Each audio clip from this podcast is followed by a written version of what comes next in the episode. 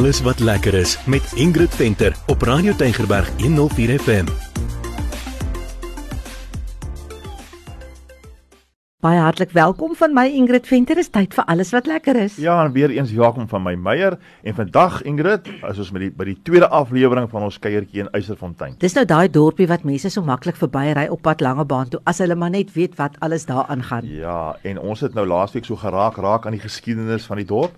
Maar daar het iets interessants gebeur, 'n baie geskiedkundige gebeurtenis en dit het te doen met die bou van die nuwe hawe. En ons het vir Rupert gevra om ons 'n bietjie meer te vertel daarvan. Dr. Avery van Ezekiel Museum het die ontdekking gemaak toe hy 'n paar stukkies been en klipmesse opgetel het.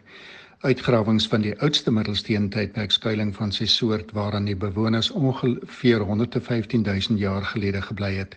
Daar steeds artefakte, maar die ingang is nou verseël en bewaar vir die nageslag.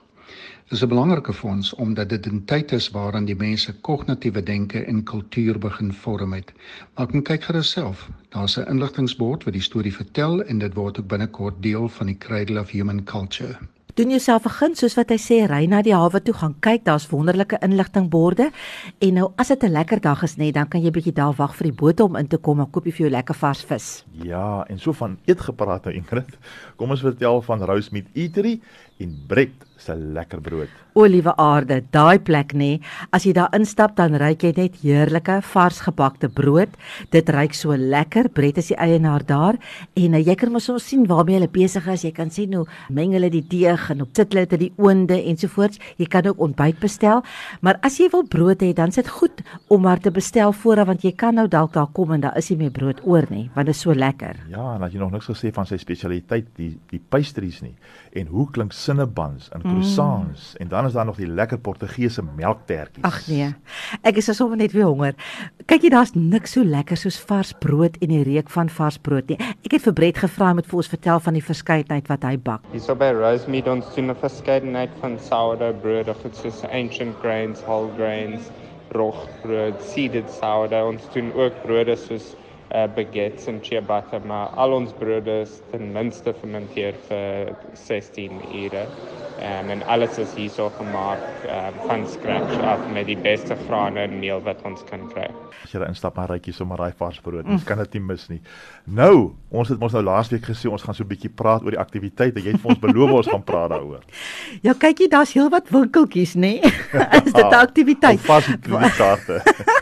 Waar jy kan gaan rondsniffel. Daar is baie oulik, daar's Isabella se Mora Mora, dit beteken slow down. Daar's Duinsalie met hulle wol en dinge. Daai twee mense bied klasse ook aan, ook tydens die feestyd waar mense sommer net lekker kreatief kan raak. Daar's dan nog 'n hele paar klerewinkeltjies, daar's 'n deli, daar's meer as een geskenke winkel of is dit net die aktiwiteite wat jy in gedagte het? Nee, nee, nee, nee, genade, jy het nou heeltemal hier van die spoor af. Maar ek wil nou baie graag gesels oor Blombos en dan ons interessante ontmoeting met Nonna en Sheila. Ja, maar jy vergeet nou van die belangrikste persoon daar en haar naam was Dominique. Ja. Ja, ons het daar ontmoet daar Blombos, 'n pragtige gasteplaas met 'n goeie verskeidenheid van wild, soos byvoorbeeld Frikkie. Frikkie ja. die die kameelperd. Ja ja, ons het daar baie ontmoet daar nê. Nou goed, ons het nou so baie name genoem. Kom ek verduidelik of kom laat ek Meyer laat verduidelik. Okay, Dominique se besigheid is West Coast Horse Trails. Sy gee ook daar perdry klasse en jy kan op perde roetes gaan daar so. Dink daar's twee roetes waarop jy kan gaan daar so. Ja, sy het omtrent 21 perde daar, maar sy neem nou nie meer as 6 mense op 'n slag nie. En jy kan nou maar 'n nawes wees. Met ander woorde, jy kan nou nog nooit perd gery het nie soos ek. He. Ek beloof nie vir jou dat jou boude nie bietjie seer gaan wees die volgende dag nie. Dit mag dalk wees. Was jy styf? Nee, wat? Nee, kyk, ek het hom so 'n bietjie perd gery toe ek nou jonger was en kind was. maar jy kan ook kies om um, om eerder 'n 2 ure rit te neem, dan dit is nou daar langs die see of net so 'n uur rit daar oor die deur die plaas. Pragtig, jy het mooi uitsig ook daar as jy op die perserig sit. Ja, kyk as jy nou see se kant toe gaan, dan vat sy vir jou tot in die branders as jy wil gaan en as jy nou op die plaas ry, dan kom jy nou tussen die wild en dan kan jy nou up close kom met die diere soos byvoorbeeld met Frikkie, die kameelperd. Ja, ja, en Nonna was natuurlik Ingrid se perd en Sheila wat ek nou by gekry om op te ry, maar Nonna was redelik geselsig. Nonna was spesiaal. ek het vir haar gesing en mooi met haar gepraat. Kyk, daar is mos so 'n liedjie oor Nonna nê, maar uh, ek het vir Dominique gevra hoe kies sy 'n perd vir haar kliënte, dis wat sy sê. Ja, ons kyk maar na die mense se gewig en lengte, maar die belangrikste is die perd en die persoon se persoonlikheid. So ons probeer maar om mense se geaardhede by die perde te pas. ehm um, dat hulle mekaar sal aanvul eerder as wat hulle ehm um, nie oor die weg sal kom nie want dan het niemand 'n goeie ervaring nie en in sulke gevalle sal ons perde ruil as ek dit verkeerd geanaliseer het. Ek wil regtig regtig gesinne aanmoedig. Weet jy, dis die moeite werd om net vir dit Eiserfontein toe te ry. Julle gaan dit so geniet. Dit ja. is so 'n lekker gesinsaktiwiteit. Maar as jy nou hier is, wat van 'n stappie daar deur die labirint of die demotuin met die mooiste verskeidenheid van endemiese en inheemse plante. Hulle is so goed versorg en hulle is gemerk, elkeen se naam, ja. sy wetenskaplike naam, alles is daar in. Dit was vir my baie interessant geweest om dit te sien. So behalwe vir die see nê, waar jy nou kan gaan stap, kan jy regtig na hierdie tuin toe gaan ja. en jy kan absoluut wegkom van die geraas van die stad af en jou kop lekker skoon maak. Ja, maar daar's nog 'n aktiwiteit wat jy daarin baie geniet het, Ingrid verwys jy nou na Rights Gin? Ja. ja, hoorie Jason het regtig vir my beïndruk. Hy het saam met sy pa begin gin maak en nou wen hulle klomp pryse en hulle daai pomelo grapefruit van hulle het dubbel goud gekry.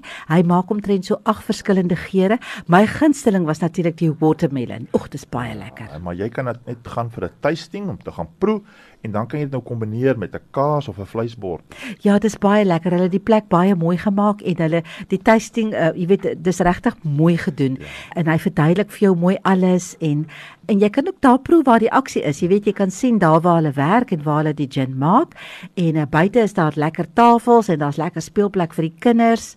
Ja, maar dit is natuurlik 'n butiek ding, jy weet dit is. Ja, nie... want hy gee sy sy persoonlike aandag, ja, hy wat Jason ja. is en daarom moet ek sê dit is so heerlik geurig.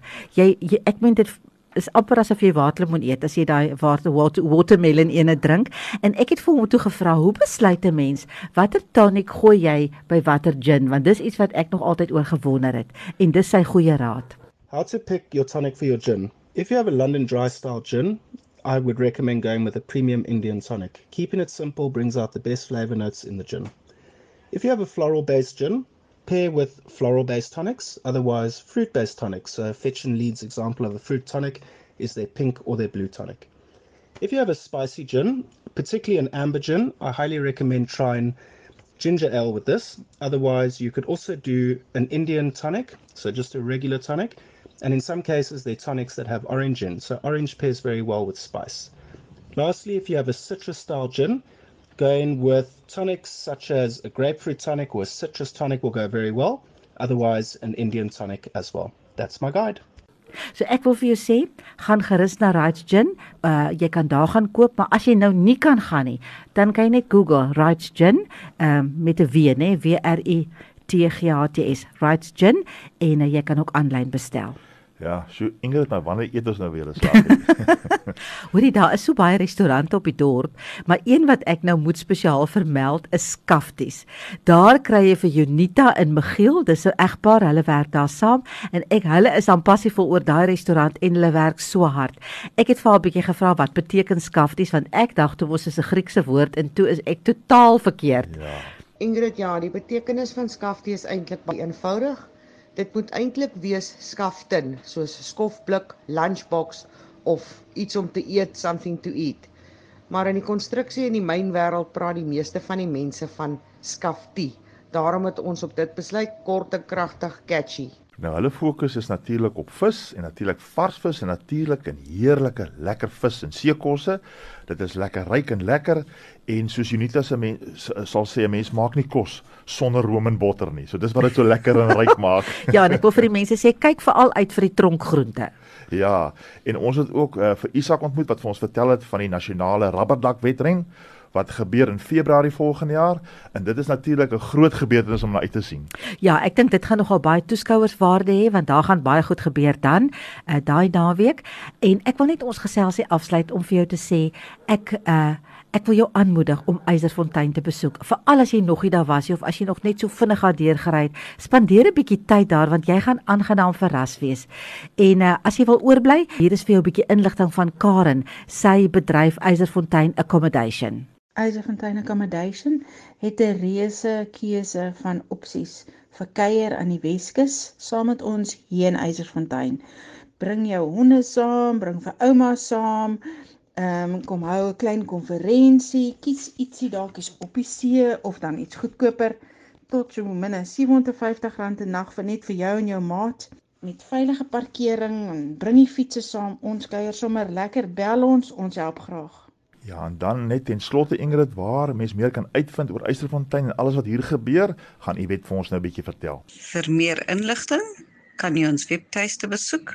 Ons webtuiste is www.eysterfonteintourism.co.za. En as jy lekker staaltjies wil weet oor Eysterfontein, bekom gerus die boek My Eysterfontein Memoirs deur Boetjie Bason. Daar sê Ivet vertel vir ons lekker en uh, dan is dit die einde van ons kuiertjie by Eyserfontein.